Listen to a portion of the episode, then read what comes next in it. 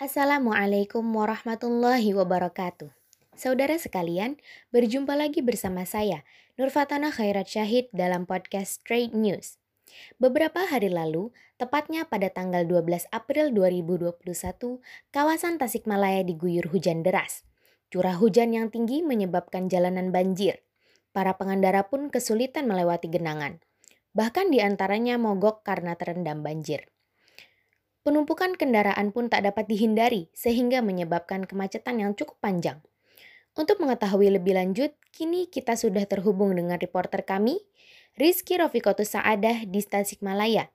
Rizky, bisa dijelaskan bagaimana kondisi lalu lintas di tempat Anda berada?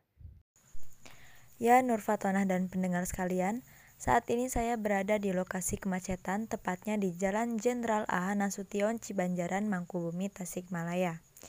Jalanan di sekitar sini terendam banjir yang cukup tinggi sehingga ada beberapa pengendara motor yang tidak bisa melanjutkan perjalanan karena mogok.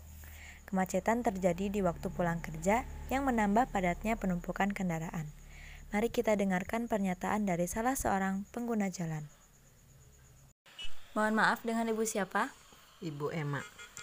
Ibu Emma sudah berapa lama terjebak macet di sini?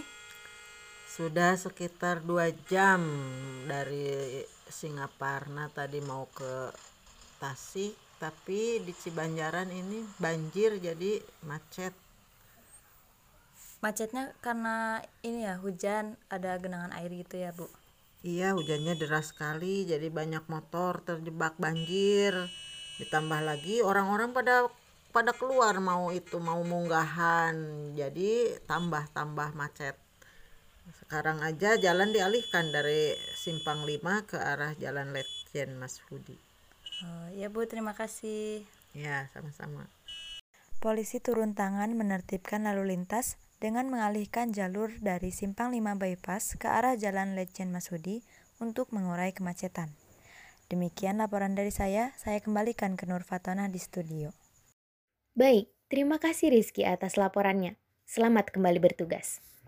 Menyambut bulan suci Ramadan memanglah sebuah adat istiadat yang tak terpisahkan.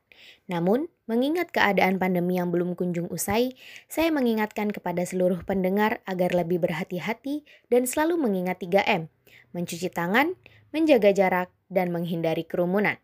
Saya Nurfatana Khairat Syahid berserta seluruh kru yang bertugas pamit undur diri. Terima kasih. Wassalamualaikum warahmatullahi wabarakatuh.